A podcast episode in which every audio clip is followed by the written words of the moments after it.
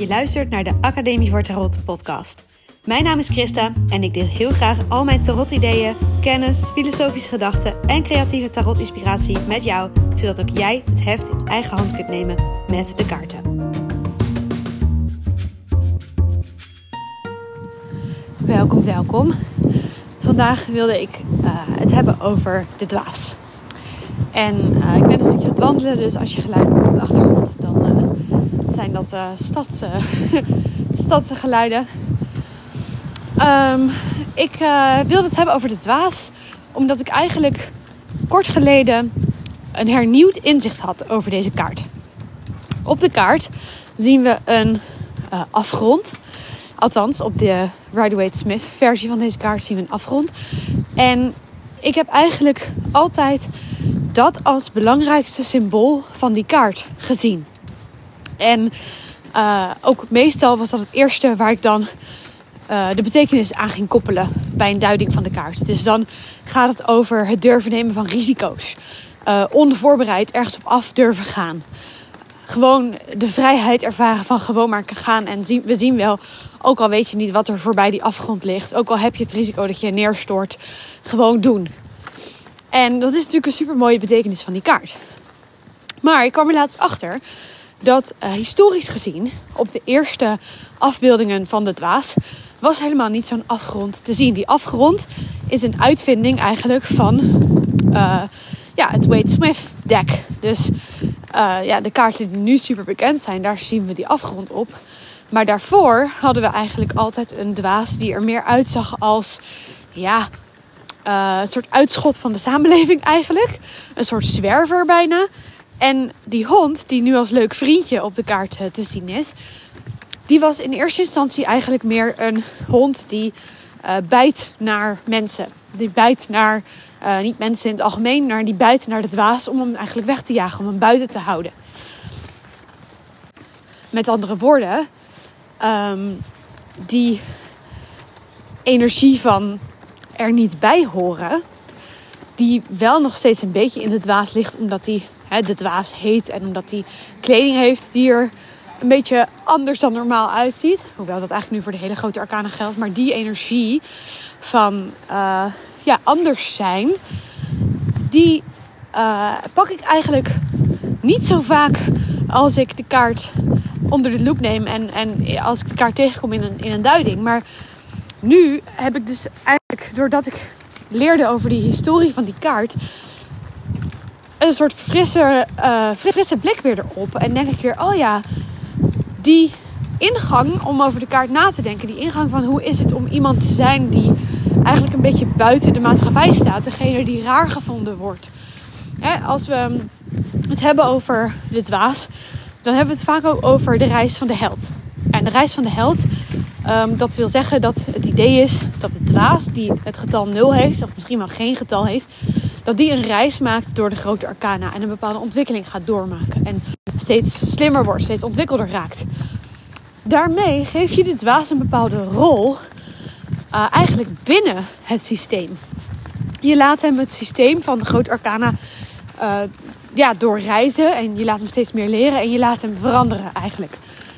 En uh, als je dat idee loslaat en die theorie van de reis van de held eigenlijk even parkeert en dus niet uh, hem ziet als iemand die op weg gaat om allerlei lessen te leren, dan is het ineens een heel andere kaart. Dan is het ineens een heel andere energie.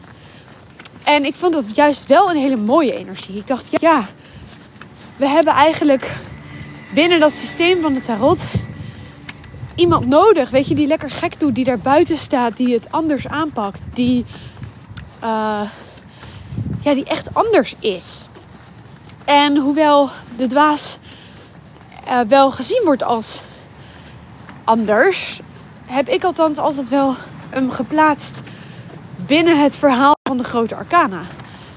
Terwijl het juist zo mooi is om hem daar buiten te zien. En ook zeker als je dus meepakt van hé, hey, vroeger was hij helemaal niet de, was hij niet de held die een reis ging maken? In eerste instantie in eerdere decks.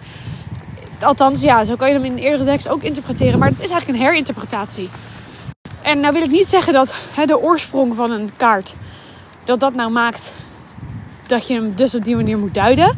Helemaal niet zelfs. Ik vind ook dat als een kaart uh, oorspronkelijk er anders uitgezien heeft, dat dat niks wil zeggen over hoe je hem nu moet duiden.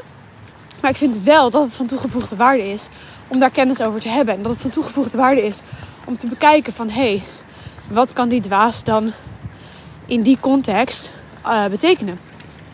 En wat ik dus ook wel interessant vond om dan bij mezelf te merken, was dat ik dus blijkbaar bij de dwaas een vrij eenzijdige interpretatie kies altijd.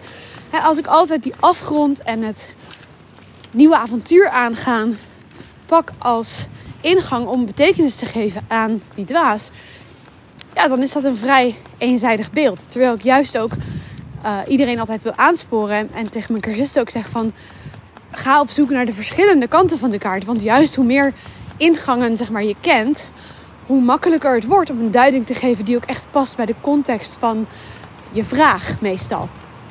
En interessant is dat ik blijkbaar dat bij de dwaas nou, de afgelopen tijd in elk geval niet op die manier heb aangepakt. Nou moet ik zeggen dat ik hem ook niet heel vaak ben tegengekomen de afgelopen tijd. Dus dat maakt ook uit. Als je een kaart vaker tegenkomt, ga je ook meerdere contexten van die kaart leren kennen en onderzoeken. Dus dat heeft er in dit geval zeker voor mij wel mee te maken.